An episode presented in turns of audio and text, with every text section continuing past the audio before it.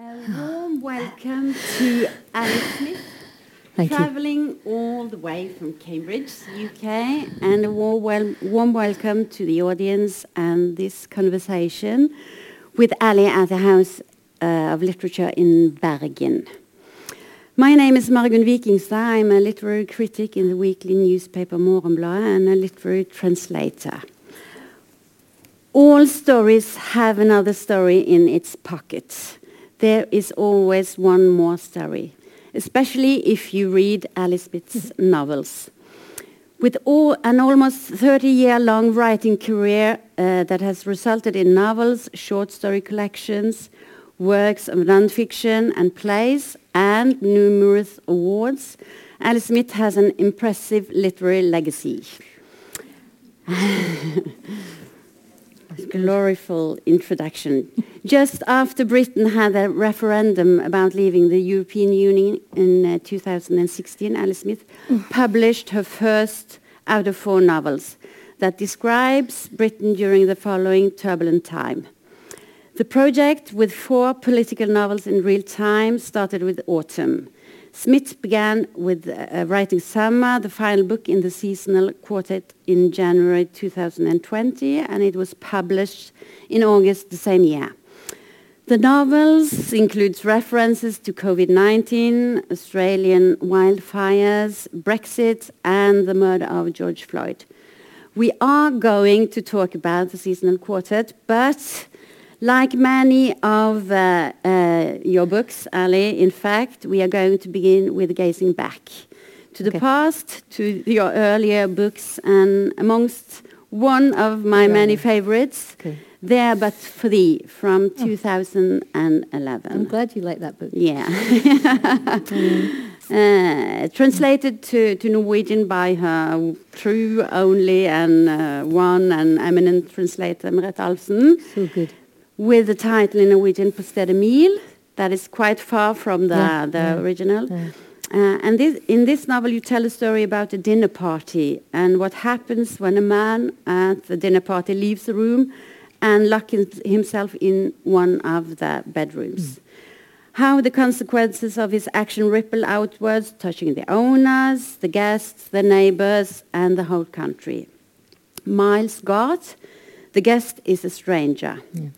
And what is it about the strangers in your books, those standing on the outside or here on the inside of a locked door, that triggered you to make stories about them actually over and over again?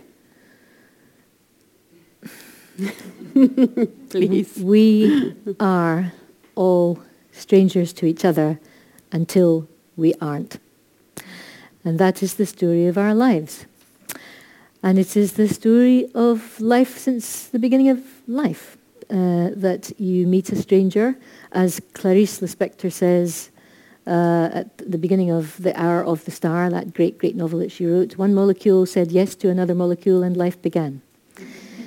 It is where life is. I can't help but think, too, alongside Lispector, of the, the, the great American short story writer Grace Paley, who knew that the source of life was in dialogue. In other words, you could have a big fight with your father, like she does in a story called A Conversation with My Father, but actually the life in that argument that you're having, that discussion that you're having, she's at, she's at a, she's, she's standing, the main character is standing at a bed when her, her father, his heart, that bloody motor, she says, is giving out. But they have the most extraordinary, life-filled argument about how you write. He says, you are a rubbish writer. You are always writing stupid stories about people up trees. Why can't you write like de Maupassant? And she says, well, de Maupassant isn't, isn't like life is for me and us. And he says, no, it's not a, not a good enough. And they have this argument about the shape a story should take. And the shape her story takes, an argument between them, is all about his not death and about their love.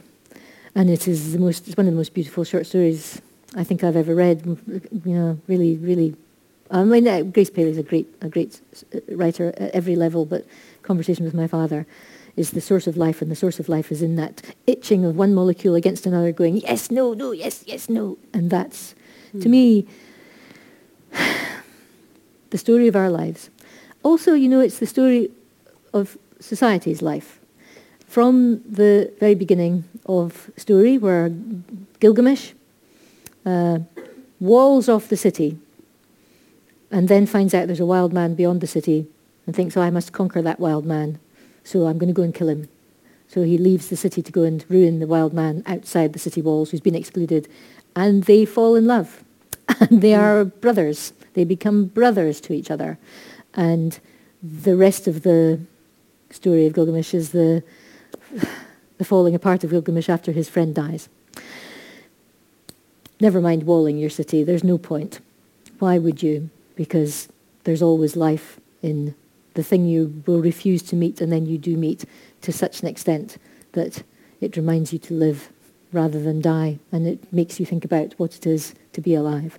That, that story is with us and has been with us since those, those first tablets with Gilgamesh written on them and, the, and Homer, the wanderer, who's always looking for someone to let you know him rest. Uh, and all the way through legend and myth and all the way through religion, it's the person at the door saying, as Elizabeth Smart, the, the, the, the writer who wrote this uh, book in English is called By Grand Central Station I Sat Down and Wept, she describes it like this. I am the green leprechaun of legend, knocking at your door to see who will be kind. It's the heart of legend, the heart of story. It's the point at which something opens. Or if it closes, that's the story. And then we read the story of closure and we know what closure will mean.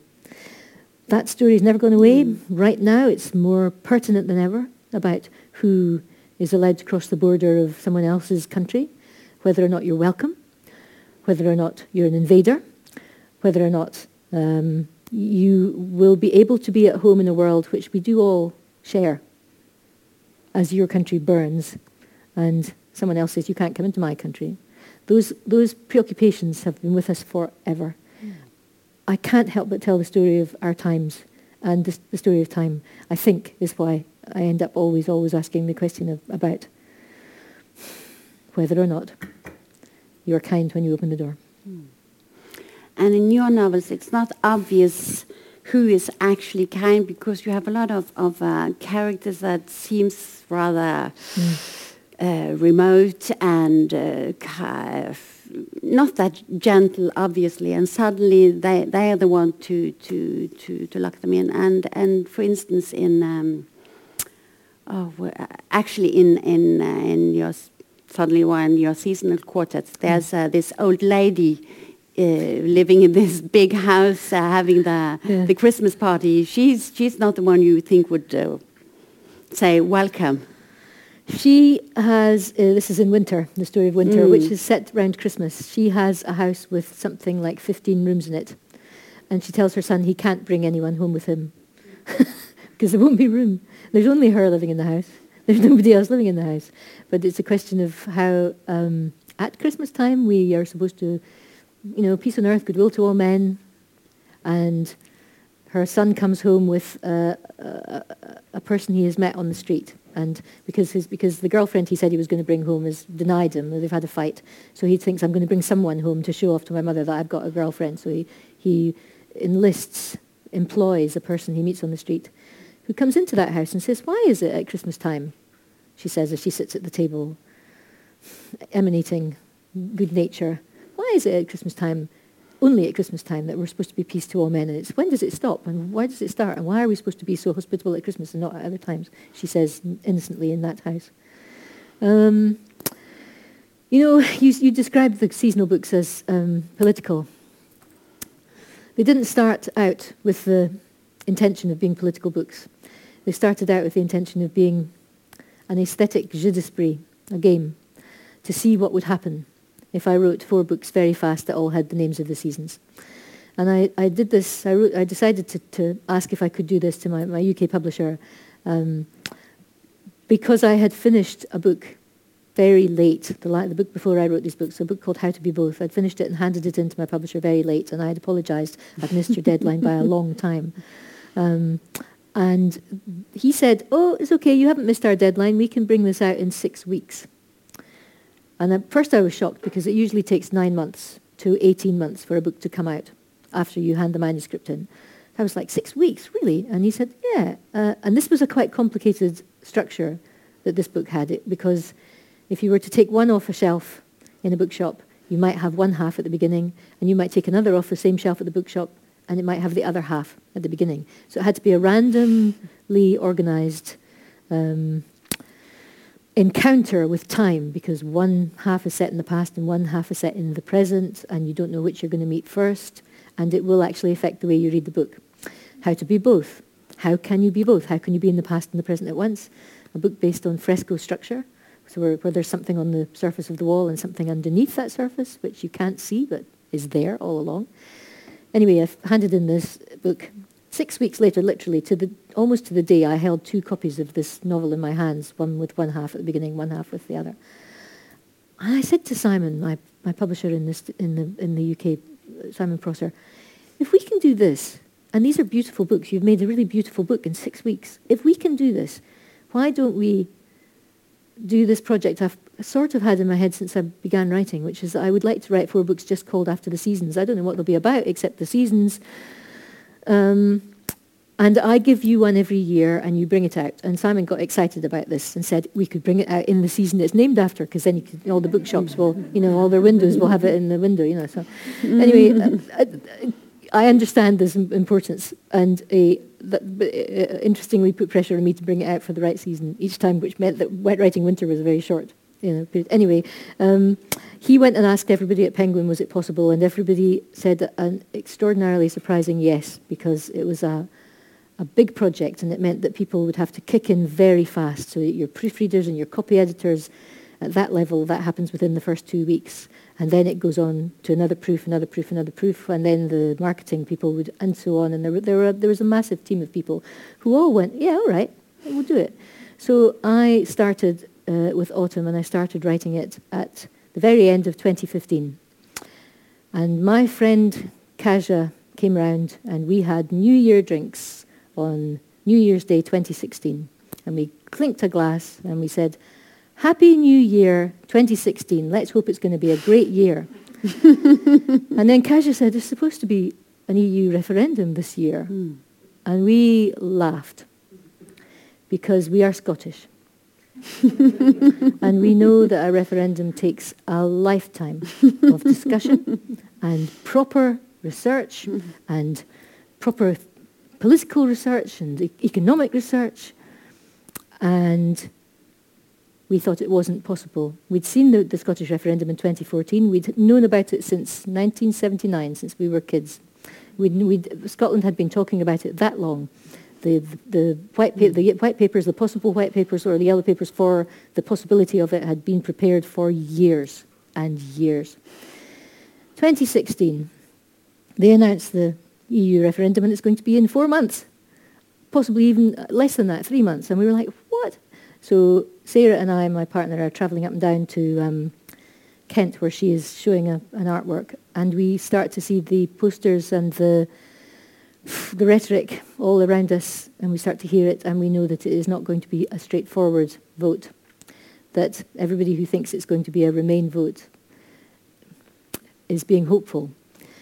Meanwhile, I'm trying to write a book about autumn, and the first thing that has happened in the book, and started at the very turn of the year, was that a, a woman is, never mind trees and leaves, you know, which I had imagined there'd be these lovely novels, you know, with trees and leaves in them, and then and they have trees and leaves, but you know, it would all be about, you know, the snow falling and the snow melting and the, the leaves coming back and the lovely, fl- oh, you know, um, never, never, never mind that. We. Uh, uh, the, the, novel I start writing, to my astonishment, is about a young woman walking along a fence, a large fence, a, a, a four-metre high fence which has appeared in common land, land that's usually open to everybody. Suddenly a great wire fence has, appeared, has arrived on it.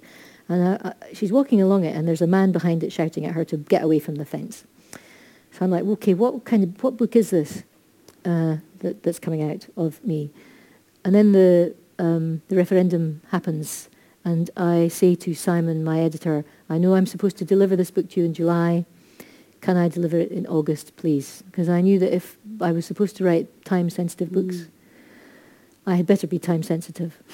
And they had really better be about the thing which was happening right then. Even if it was just about the surface, it would give us some idea of what the texture of our lives was like. So I ditched my thoughts, my other my thoughts about autumn, and I set off with the character of Daniel, who just appeared out mm. of hmm. nowhere. Thank God, mm. just at the back of my head. In fact, I thought he was. There was this old man at the back of my head for quite a long time before the books, and I didn't know what he. I thought he was from something else altogether. You know, I didn't think he was anything to do with the books. However, it turns out he was the mainstay. Mm. You know, one way or another of of the seasons.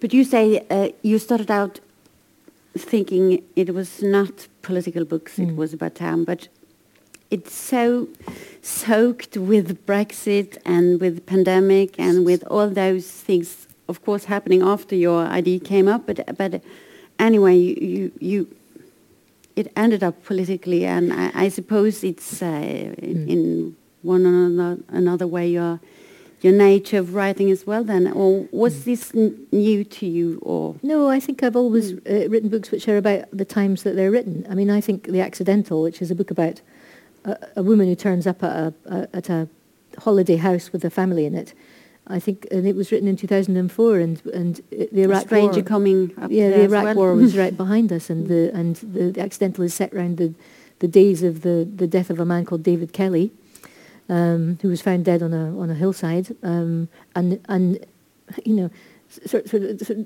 uh, apparently from a, a heart attack, um, who had been the person who had uh, whistleblown, as it were, what the government was doing around the happening around the Iraq War, and that's at the very back of that book. The very back of the mm. book is the question of what happens when you invade or or mm. or what invasion actually is. Um, and um, I, I, I, it's, it's not that uh, it's not that you get a choice really if you write, even if you are even if you are choosing not to write about the time that you are writing about, the time will come through, mm-hmm. like our, our, pores give off, you know, you know, and take in the liquids that we need. Uh, we, we basically are porous uh, to our times. Mm. Um, mm. And so and books, books are porous to their times too. I don't think there's even such ever, ever been really such a thing as a futurist novel or a, or a historical novel. I think you read them, they're set in a time, but they will be redolent of the time in which mm. they were mm. written. They can't not be.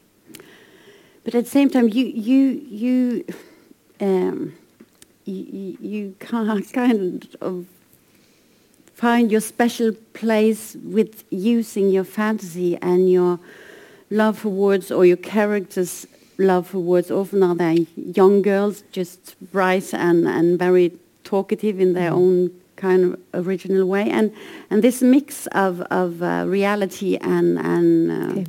fantasy, how, how, how did that come up to. it's just a fact. there is no one in this room who isn't living both reality and fantasy at once. we just all are. We are all in constant engagement with the fantasy of our lives. And we are all in constant engagement with the political fantasy that politicians tell us about our lives. And we analyze it or we don't. And we're all in constant uh, engagement with our imaginations of the future and the selves that we have been. Uh, and so uh, the fantasy self, the dream self, is never far from the supposed real self. In fact, they are all real, all of it. Um, and the means that the novel gives us um, of understanding the, the collision of past, present, and future in us all uh, is in itself a kind of fantasy that we all do all the time. And it's, it's why uh, the novel is about time Mm. It's always about time. It's mm. about hmm. the passing of time. The novel form, it's always about the passing of time in which human beings ruminate about the times of their lives. Mm. And we do it partly from reality and partly from our own fantasies and narratives. Hmm. And you also, uh, those, um, uh, a lot of your, your books are mixing those big gaps of times. Mm. For instance, uh, um, how to be both. Yeah. There's uh, there's centuries between uh, those different uh, stories, yeah. and and also your your latest uh, book. Yes. Um, why would we imagine that the past has not formed us? And why would we imagine that the future is not being formed by us right now? Why would we not know that we are made of all those people under the earth? Not just our family, but the family, family, family, family, family, family, family. It gets bigger and bigger and bigger the further back you go. And the lives they lived, they have formed us. and we go forward to form the people who come after us, which is why it's you know, important to form well, I think. Um, why would we not uh, know that, for instance, in Companion Piece, the new novel, um, it's partly about COVID, and it's partly about a story from the Black Plague, the, very, the, the first Black Plague, the first plague. Um, it came about because I was fascinated by what happened the, after the Black Plague when lots of people had died and the barons needed a workforce. So they invented new laws. And the laws were that unless you had a trade and money, you could not move from one village or town to another.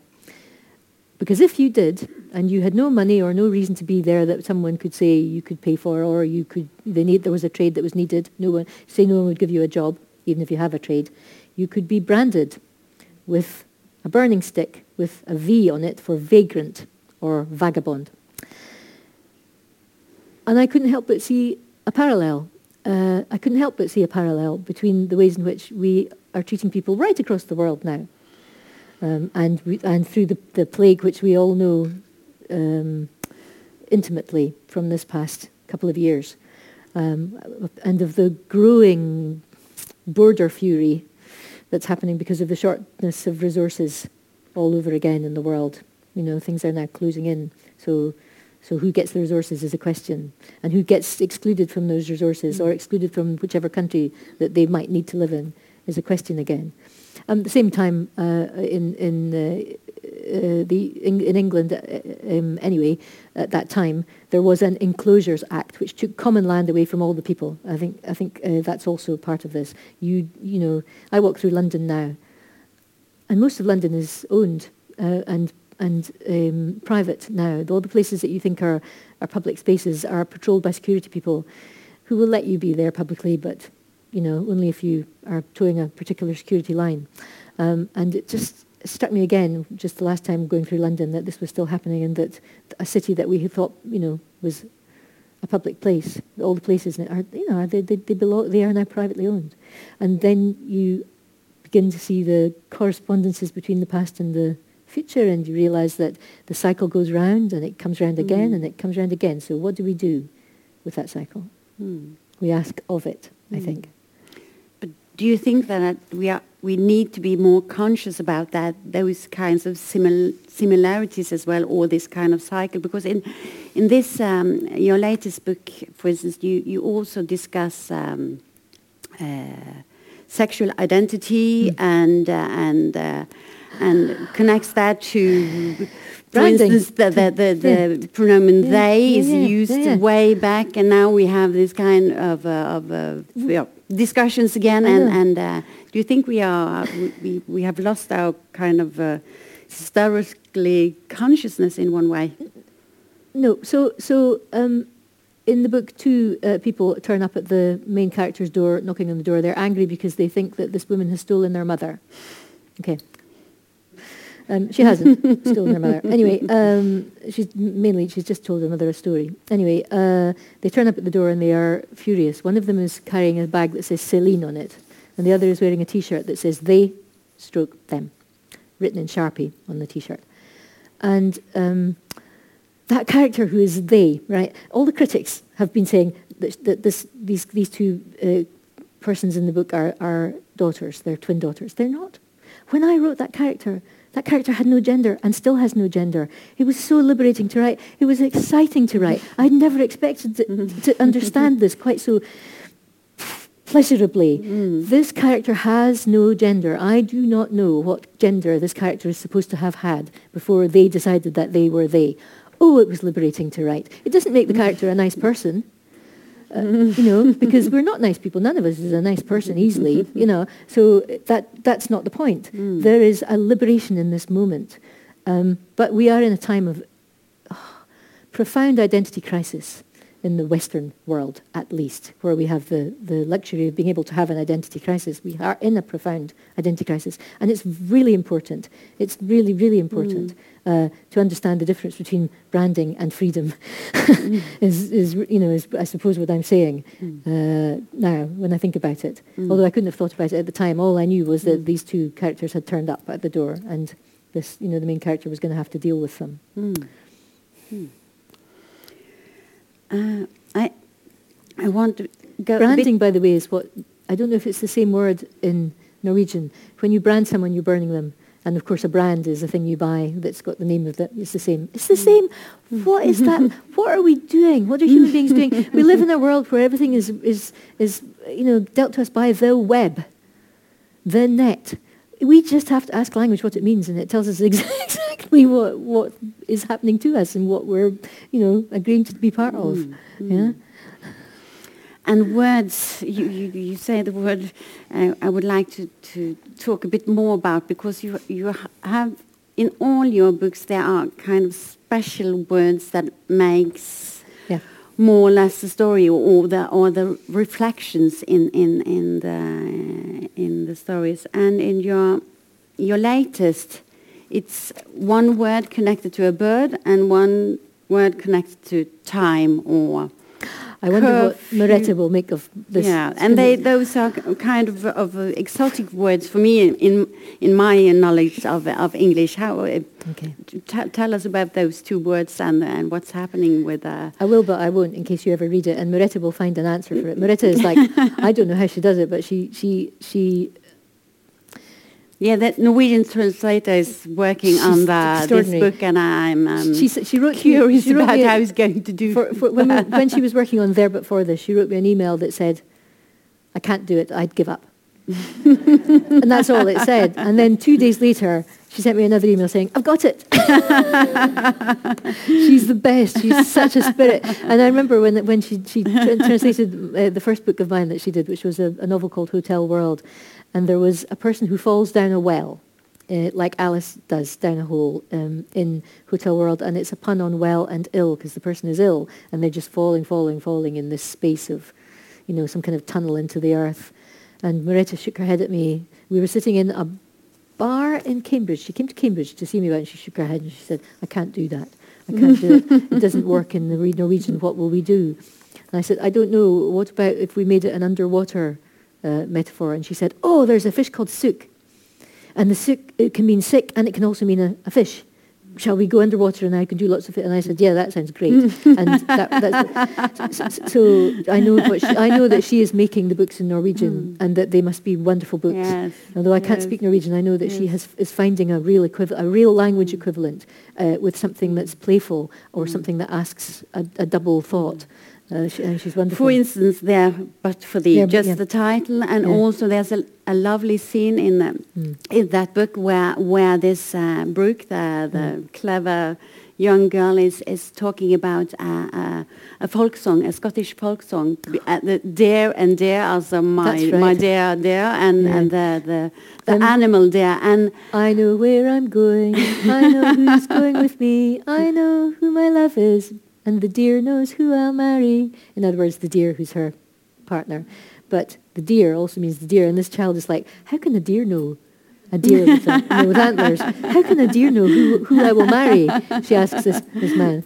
Yeah. And uh, the Norwegian translator, she chooses uh, a Norwegian psalm, and, and that's just a lovely thing. I, I, I think I just have to read it for, yeah, okay. for the audience and she, in Norwegian. The, she found the right because song to, it's um, you know she's great. She is uh, because they are they are di discussing facts. Yeah. Those, those two, yeah. the, the old man and or the middle aged man and the and the young girl. Uh, that's a kind of facts. Yeah. Connection you all, mm. all also mm. often use, but here this uh, this old Scottish song is suddenly become this then.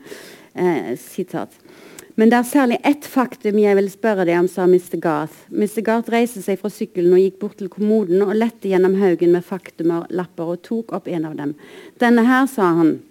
Faktum er at det er godt når liket er borte. Jeg er nokså sikker på at det er et faktum, sier Brok, altså den, eh, den, unge jenten. Det er det som står i, i den sangen. Hvilken sang, spurte Mr. Garth. Den, den om at man blir glad uten like, sa Brooke. Jeg tror, ikke, jeg tror ikke jeg kan den sangen, sa Mr. Garth. Brooke sang den for ham. Og salige stund uten like, han lever, han lever ennå. And that's just uh, Look uh, what she can far- do. yeah, and it's, It's, far you know, away from the original, but it's it's, just a, a lovely I, to, play to of hear uh, that happen. yeah. also, also, I have to say that in Norwegian it sounds great. I just think, I just think it sounds beautiful. Mm. She, she's just, it's such a beautiful language, and Merete finds this kind of role of language that meets something Scottish in me um, when she translates, and I, it gets me, makes me very do happy you, to do you sometimes think about those poor translators going to work with your books? I have met so many of my translators and they are bloody lovely. they are fantastic. They are full of kind of joy of language. Um, I mean, I'm, I take Moretta, for instance, she translates Woolf and Austen, Virginia Woolf and Jane Austen. I mean, she can do anything if she can do those. so, um, and I was in Barcelona a couple of weeks ago just to do an event, and I met both my Spanish translator and my Catalan translator, and they were in deep in converse about what you know what, what they would do with stuff in the new book. Um, um, and they, I know they're good. I can tell they're good because the the, the books are really working uh, there in a, in a way like you just made kind of kind of uh, physical in this room, um, and I, and they are and they were so lovely to meet. They, you know, and I was like, because I I kind of I believe I think I I'm I have a deep belief, and the deep belief is that a book has not really entered the world until it has met another language, um, and I love it when that happens. And I have Dutch translators, two uh, older women, older than me, um, who um, write before I've even finished the book, I had an email saying, "Can we have the book, please? Because we want to start translating it." I hadn't even finished it. I was still, you know, I was like, "I, can, can't, g- I tell, you know, I can't." I had, to, I had to ask the, the agent to tell them that it wouldn't be ready for another two months, you know. So, um, but they're that keen, and they're and they. I met them, and they're such oh, they're great girls, and I, you know, I, I love my trans, I love my translators. I love them. I love them. But you have to talk a bit more about those uh, those lovely young girls as well. You have in your books. It's always somebody who is kind of seeing the world in in in the, and the language and the words in the kind of naive and s- direct and simple way, and, and at the same time produce those big philosophical uh, thoughts out of of, uh, of those. I, yeah. I think it, I think it's important to people the world with really clever girls. Um, I don't think there are enough books about um, intelligence um, and the child state in intelligence. But I also think that people read my books and they decide that the children are very cute, so I must be really good at writing children. So I get all, so critics are always saying you're really good at writing children, aren't you? and, I, and I'm like, actually, if you if you were to do a ratio study uh, you would find that all the all the generations are in there. Why would we ignore any of them? I, I understand and love that from Tove Jansson, who in the summer book knows to take the people who are usually left out, the very small and the very old, and make the whole legend, the whole epic about them. Why would we not? It's you know life isn't all you know being forty or thirty and you know having our lives at that point. It is also about being 60, being 70, being 80, being 90, being 10, being 11, be the difference between 11 and 15, the difference between 15 and 20, the difference between 20 and 40, and all those differences in us. So um, ratio-wise, I think, I think there's a proper range of possibility there. Um, but I am, uh, I am kind of happy too to think that there are all these, you know, bright kids running around.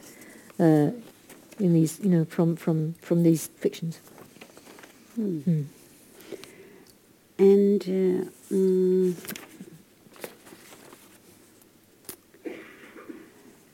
in we have been talking a bit about the accidental from 2005. It's way back, uh, um, and uh, uh, one of those things I thought when I I, I read that book that was one of my first I read actually. Uh, Levende bilder is the title in, in Norwegian. And living, living pictures? Yes, yes. Cinema, cinema. Moving pictures. Yeah, okay. Mm, mm. And and um, It's good. and one of the the, the forces of of that book or, and in general all your books is the is the power of storytelling in in general. But uh, what what, because you, you, you write books that in one way are rather dark. Uh, there, there, there's no hope, and at the same time there's a lot of hope, but there's a lot of optimism, and, and uh, this strange mix is um, is for me interesting because I, I can't decide whether yeah whether it's dark or, or, or not, and uh, and you might read some uh, which shows that uh, we can't suppose that everybody has read all your books, and uh, okay. and you might read something from autumn, oh, the beginning. Autumn. Okay, the beginning. That's the first yeah. book in the in the seasonals. Okay, and it's it's a kind of dark. Yeah, it's dark, um, and yet here's this this man who I didn't expect to be to be in the book even. Um, and he just turns up. So I, uh, I, I kind of uh, sat, sat down and it just happened. Okay. It was the worst of times. It was the worst of times. Again. That's the thing about things. They fall apart. Always have. Always will. It's in their nature. So an old, old man washes up on a shore. He looks like a punctured football with its stitching split, the leather kind that people kicked a hundred years ago. The sea's been rough. It has taken the shirt off his back. Naked as the day I was born, the words in the head he moves on its neck, but it hurts too, so try not to move the head. What's this in his mouth? Grit? It's sand. It's under his tongue. He can feel it. He can hear it grinding when his teeth move against each other, singing its sand song. I'm ground so small, but in the end I'm all. I'm softer if I'm underneath you when you fall. In sun I glitter, wind heaps me over litter. Put a message in a bottle, throw the bottle in the sea. The bottle's made of me, I'm the hardest grain to harvest. To harvest? The words for the song trickle away, he is tired. The sand in his mouth and his eyes is the last of the grains in the neck of the sand glass. Daniel Gluck, your luck's run out at last. He prizes open one stuck eye, but Daniel sits up on the sand and the stones. Is this it? Really? This? Death? He shades his eyes. Very bright. Sunlit. Terribly cold, though. He's on a standy, sandy, stony strand, the wind distinctly harsh. The sun out, yes, but no heat off it. Naked, too, no wonder he's cold. He looks down and sees that his body's still the old body, the ruined knees. He'd imagined death would Distill a person, strip the rotting rot away till everything was light as a cloud. Seems the self you get left with on the shore in the end is the self that you were when you went. If I'd known, Daniel thinks, I'd have made sure to go at 20, 25. Only the good. Or perhaps he thinks, one hand shielding his face so if anyone can see him, no one will be offended by him picking out what's in the lining of his nose or giving it a look to see what it is. It's sand, beautiful, the detail, the different array of colours of even the pulverised world. Then he rubs it away off his fingertips. Perhaps this is myself distilled. If so, then death's a sorry disappointment. Thank you for having me, death. Please excuse me. Must get back to it. Life. He stands up. It doesn't hurt, not so much, too. Now then, home. Which way? He turns a half circle. Sea, shoreline, sand, stones, tall grass, dunes, flat land behind the dunes, trees past the flat land, a line of woods all the way back round to the sea again. The sea is strange and calm. Then it strikes him how unusually good his eyes are today. I mean, I can see not just those woods, I can see not just that tree, I can see not just that leaf on that tree, I can see the stem connecting that leaf to that tree. He can focus on the loaded seed head at the end of any piece of grass on those dunes over there, pretty much as if he were using a camera zoom. And did he just look down at his own hand and see not just his hand in focus and not just a scuff of sand on the side of his hand, but several separate grains of sand so clearly delineated that he can see their edges and hand goes to his forehead. No glasses? Well, he rubs sand off his legs and arms and chest, then off his hands. He watches the flight of grains of it as it dusts away from him in the air. He reaches down fills his hand with sand. Look at that, so many. Chorus. How many worlds can you hold in a hand? In a handful of sand. Should we leave it there? Okay. Thank you. Thank you.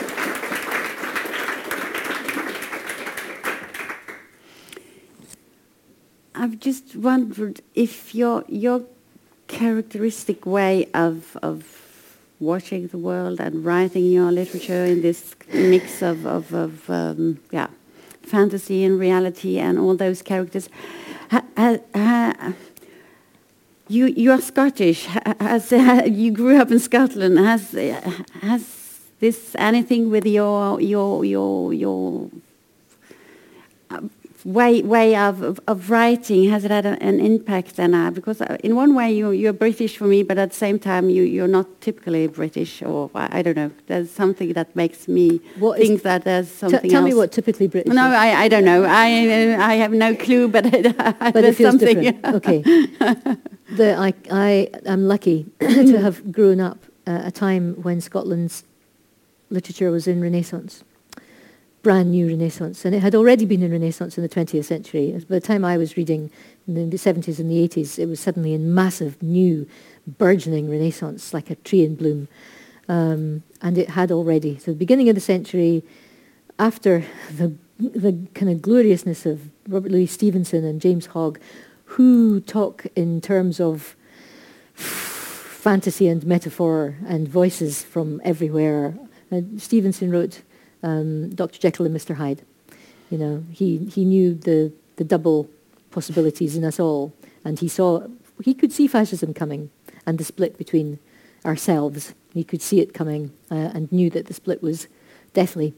Um, and James Hogg uh, also knew about the ways in which we are haunted by our own guilts in the, fo- in the actual visceral form of our guilts. And uh, so there's that background. And then you had this fantastic burst of energy in works in the 1930s, 20s and 30s. Um, n- I wonder if anyone in this room has ever read a writer called Lewis Grassic Gibbon.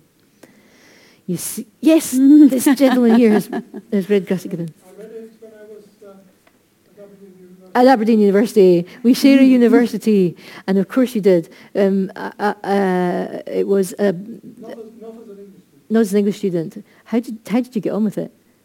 Do you remember? It's got a, it's a particularly rich kind of writing. He he writes as if you were breathing language. Lewis Lewis Grassic Gibbon. I'll uh-huh.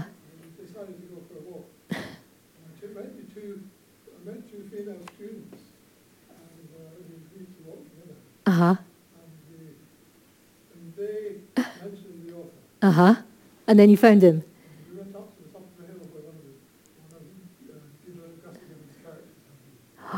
You actually went up the hill. Okay, this man. Um, um, He wrote a trilogy which um, looks at the change between pastoral and industrial all the way between the wars. It takes the First World War and then it goes towards the Second World War. He died before the Second World War. He, he exploded from talent, really. He wrote so many books and he died in his 30s. And he was an extraordinary writer. And w- one of his great achievements is this thing called the Scots Quair, a trilogy, a trilogy of books about the shift across the century into the 30s. Anyway, it's written in language which is so rich and beautiful that it is as if it is your your actual rhythm of breathing is in it.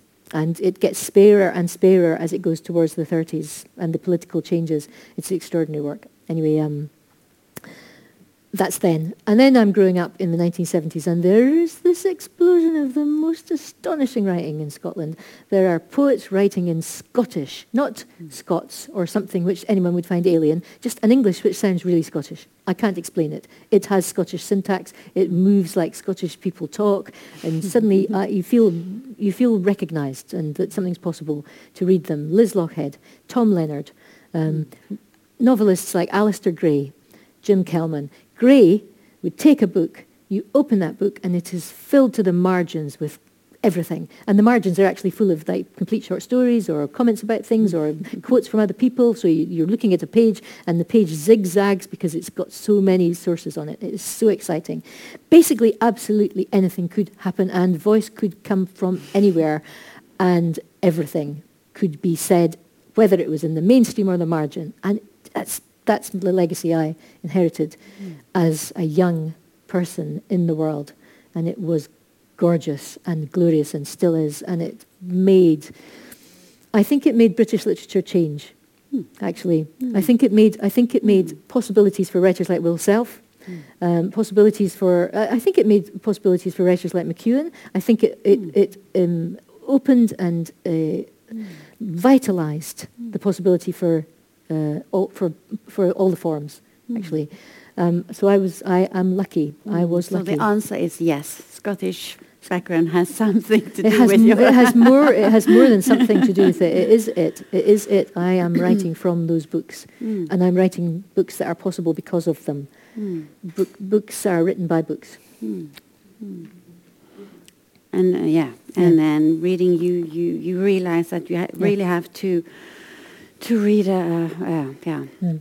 huges of books to be able to, to write actually more or less because it's filled with uh, references and and it's not only only um, only other authors th- those lovely covers you have on your seasonal know. portrait and the last that's uh, uh, that's painting from uh, a painter called David Hockney Yes, Hockney. Yeah. The covers. The covers are Yeah. are Hockney uh, covers. that happened by mistake. mistake Um, yeah. okay yeah, it, it, is, it is because um, when rather I good mistake when I wrote, is it there but for the yeah. Uh, no, is it there before the yeah? Uh, when when we were looking for a cover for there but for the for the paperback, it had uh, in, in all the time I've been with this publisher, we have had works of art on the covers of the books, um, and for there but for the which it wasn't very successful as a novel. I think it's actually my best novel actually, but um, it wasn't very successful as a novel, and it had a picture on the front of just a shut door uh, uh, by an artist called Rachel Whiteread, and the publishers, you know, not not Simon, but the people ahead of Simon said, "No, you can't do that in the paperback. It's got to have another cover," and they started sending pictures they'd found on Flickr to me. Um, so like things like a, a child reaching into a seagull, or the backs of a woman's head. You know, I mean, and they were awful. And I kept, I kept writing back to Simon saying, absolutely not. We can't have this on the cover. We need a work of art. And then Simon was f- flicking about himself in Hockney's um, iPad pictures, and he found one of a chair with some clothes on it, and it's perfect. So we asked David Hockney, could we have it for the cover, and he wrote straight back and said yes. Bang. And then they re-released Hotel World, and uh, they, they found a, a, another lovely Hockney picture, and they um, put that on the cover of Hotel World. The, new, the, new- the, the, the, the more recent cover of Hotel World has that on it. And then How to Be Both was different. It had a, pic- a picture that's referred to in the books. But then as we came to the seasonal books, I hadn't even started writing the books. I hadn't started. Simon and I went to the British Library as a kind of talisman. We went to see Keats's poem To Autumn, written in uh, his handwriting, just so that we would, I would have something that I would just have in my head as a lucky thing. So we went to see it at the British Library. The kind librarian showed us his book with his writing in and his corrections to To Autumn, this poem. We came out and I, I was like everything was bristling with with possibility. We came out and we sat in a in a cafe, and Simon took out a great sheaf of paper out of his bag, and he unrolled the first one, and it was the cover of Autumn, like this. And I was like, Hockney, really? And he said, Yeah, we wrote to Hockney, and he said, uh, we said, would you give us uh, some seasonal covers? Maybe you do them for us. And he's, he faxed back four. And then he unrolled the others, and there was winter, and there was spring, and there was summer. So this is 2015. I haven't written anything anything at all, but you know, the, the covers for spring and the cover for winter and the cover for summer, they all exist, and he's got covers for books that are, you know, are in the future. and I am scared out of my brain. and at the same time, actually am engaged. I am kind of plugged in because I now know that the books will exist and I have to meet those mm. books because if Hockney has given these covers, mm. they are so beautiful. They already exist in the world somewhere. Those You books have to already exist in the world. Yeah, it's a, it's, it's a, it's a, a kind of enchanted mm. thing about books is that they turn up when you, you are supposed to write them, and I knew that now my my challenge was to meet that you know the fact that these books did exist. But your interest in, in art and paintings go way Yeah. back. Seems like when you're writing your books as well. There's a lot of artists Mm-hmm. in your in your books. But uh, in your recent novel, there's a very kind of harsh but charming discussion between the father Mhm. and the more or less main character, exactly about paintings. Yeah. Tell me why, because he's he's really he has all those prejudice against this lousy thing. She she's trying to paint poems actually, or it's it started with a, with a discussion about Keats, John Uh-huh, Keats, the poet, right. and then it Yeah. goes on with his kind of. Uh, she, I think she ends the conversation by say thank you for the critic or something like that. That's, uh, yeah, that's right. Uh, okay, wait a minute. Um, I will find it and tell you exactly what they say. Um, yeah, here we go. Uh, so she's meeting her father where they always meet on his birthday. They always go for a walk in the woods. Um, and um, they have that kind of relationship you have with your father where things are impossible to say. Um, anyway, they arrive and sta- his, her father is standing waiting for her at uh, a pile of cut logs.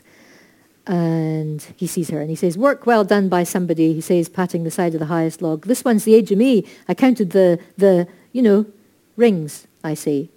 I bend down and pick up a piece of inner tree the size of my hand. It's so light-coloured and fresh-smelling. I hold it to my nose, then put it in my pocket. Chip off the old block, I say. Wonder what they'll end up making with these. These'll make something all right, he says. Firewood, I say. Far too good for firewood, he says. They'll be for construction. Sleepers, I say. Beams. No, he says, as if I should know better. These are beech, perishable, best for indoors, floors, joinery, such like. I remember I'm supposed to say nothing, really, just to walk along, agreeing. Good stuff, that, he says. I can never help wondering, I say anyway, whether trees in the wood freak out when someone cuts down their neighbouring trees right in front of them. Don't talk rubbish, he says. He looks round for the dog. Come on, he says to the dog, not me. Let's go. Too happy, happy tree, I say. He ignores me. I know he's thinking about the garden centre on the other side of the wood where we always go when we do this walk to have whatever soup they're serving that day. I expect him to say any moment, wonder if they'll do the yellowfish soup today. But then as we follow the bend of the path, this is what he says. They don't have to bother with all that happiness rot trees. They're just trees. Then 50 yards further down the path he says, no such thing as a happy tree. It's from the poem, I say, by Keats about just that, a tree in winter that doesn't have to miss its summer greenness because trees don't remember or regret anything. And that's precisely why they're happy, because they just keep on being trees, doing what trees do till, you know, someone cuts them down. I wait a moment. Then I say, the picture I painstakingly painted and gave you last Christmas, that's a visual representation of the Keats poem the line is from. Silence.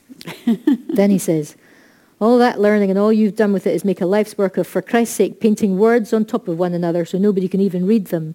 That's what she does as a mm-hmm. painter. She paints the first word, then in oil, and the next word on top in oil. Thanks for the critique, I say. How would anyone ever know those words were in that painting, he says, or any words? But they are, I say. They're all in there. That's a picture of a poem and of all the words in that poem. Visual representation. Just a slab of green, he says. Green's the only colour Keats directly draws attention to in that poem, even though it's a winter poem, I say. Green felicity, visual representation. He says, why not just paint a tree? If you're going to paint the words of a poem about a tree, that'll be why you left that picture I gave you in the garage under the old sweatshirt, I say. And that sweatshirt's stuck to the oil paint now and the picture will be ruined. You know that, don't you? Ruined. I always thought when you were growing up, that child, she'll change the bloody world. You had every chance, but you went your own way. You always went your own way. You know, Dad, I could have sold that painting of mine that I gave you several times over if I wanted and got several hundred pounds for it when I did, I say. Have it back, he says. Have it back, sell it, get your money for it. Yeah, and I can sell the sweatshirt alongside it as its companion piece, I say.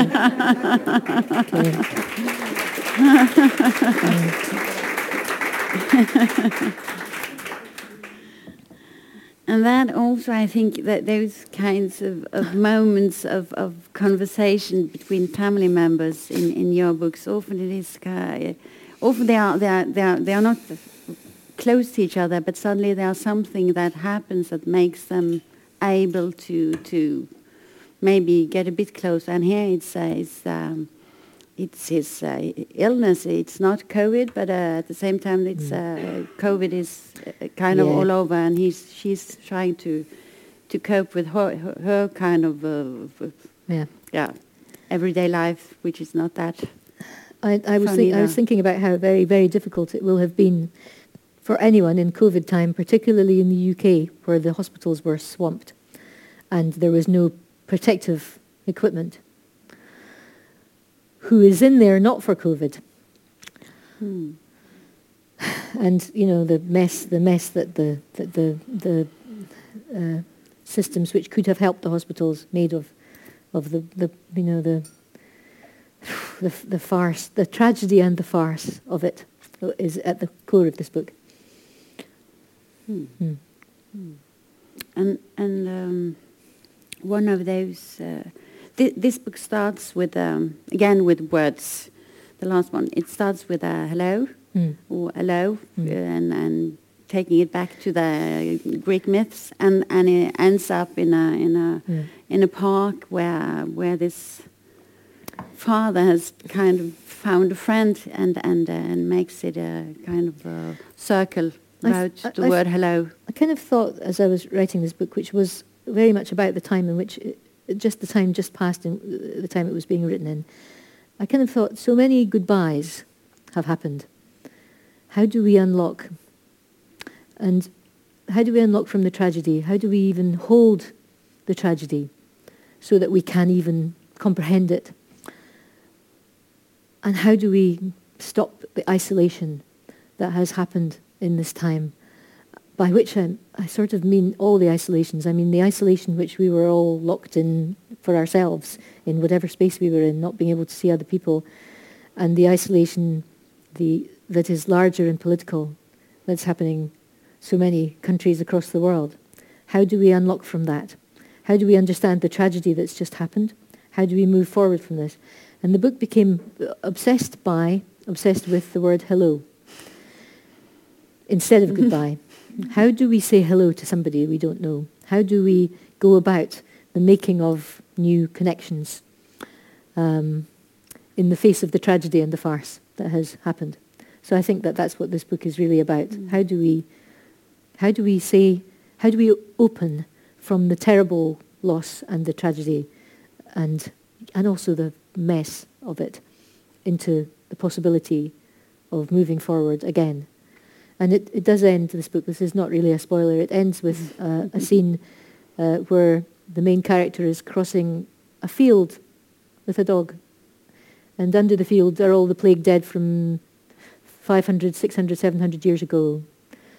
It's, it's in every town, that field. It's in every city, the plague dead. And it's a place you can't build on.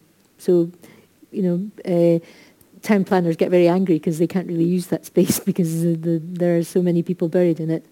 Um, and um, it was about that, being on the surface, thinking we understand the cycle and the way that this great history has rolled again with us in it. Where will it roll now? Mm. How do we say hello to that? Mm. Mm. Yes, I think that's just a perfect uh, Hello, a end perfect of not goodbye, but hello, Yeah. hello, yeah, hello. yeah. Uh, thank you so much, Ali Smith, for talking so. Thank you, so, Morgan, for asking me. Interesting and from- clever yeah. and, and in, uh, everything about your books. And I forgot to say something practical in the start. There's a piles of books downstairs you can buy, and But they can be don't have to. But if you're going to have signing them, you might have to buy them. So so. if- I don't Ali know. Smith I don't know. Margaret Atwood once signed my arm. Right? Yeah. So I once went to see Margaret Atwood, and she and I didn't have a book. Uh, we were, we we knew each other a little, and uh, she took my arm and she rolled my sleeve up with her sharpie. She signed Margaret Atwood down my forearm, and I really had trouble washing that off, man. I was like, I just didn't want to. It was there for quite a long time. So, mm. So I'm not going to do that though. though. Okay, so. But thank you so much once again, and thank you for all of you coming. And And thank you. um, And um, And thank yes, you all Yes, hello, everybody. Hello. Hello.